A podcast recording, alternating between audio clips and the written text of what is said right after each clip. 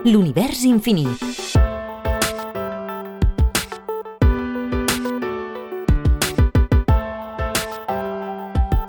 Agrupació Astronòmica de Sabadell. William Parson, el comte constructor de grans telescopis.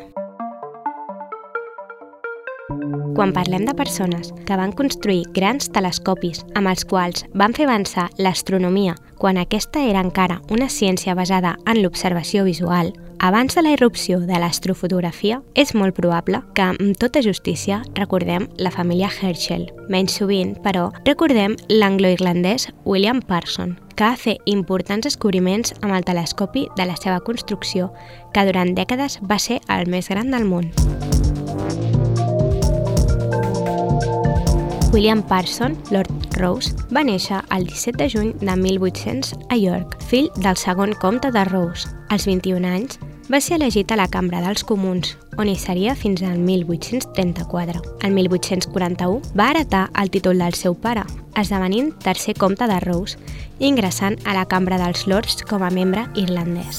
Instal·lat a la finca familiar a la localitat irlandesa de Birr, coneguda com a Parnstown, i com a aficionat a l'astronomia, la seva ambició era construir un gran telescopi amb el qual pogués donar continuïtat i intentar superar el treball de Sir William Herschel.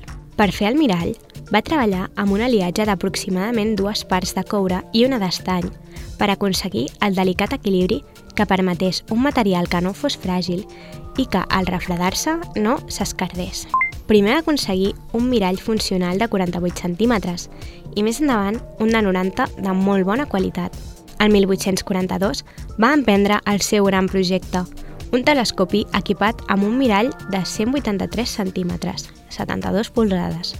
Com hem dit, era molt complicat fer un disc d'una mida tan gran amb prou solidesa, i de fet Parson va assolir el disc metàl·lic de 4 tones al cinquè intent, després d'un refredament acurat i lent. Mentrestant, es van construir els dos murs d'obra que farien de suport estructural i mecànic al tub de 16 metres, 54 peus, en el que es va muntar el voluminós i pesat mirall. El conjunt, que es va conèixer com el Leviathan de Parnstown, va iniciar les observacions del 1845. La seva capacitat òptica va ser comprovada amb la resolució de Y2 Andromedae, els dos components de la qual estan separats per menys de mig segon d'arc. Un cop el telescopi es va confirmar com operatiu, Parson es va dedicar a l'estudi de nebuloses, o com a mínim el que es pensava que eren nebuloses.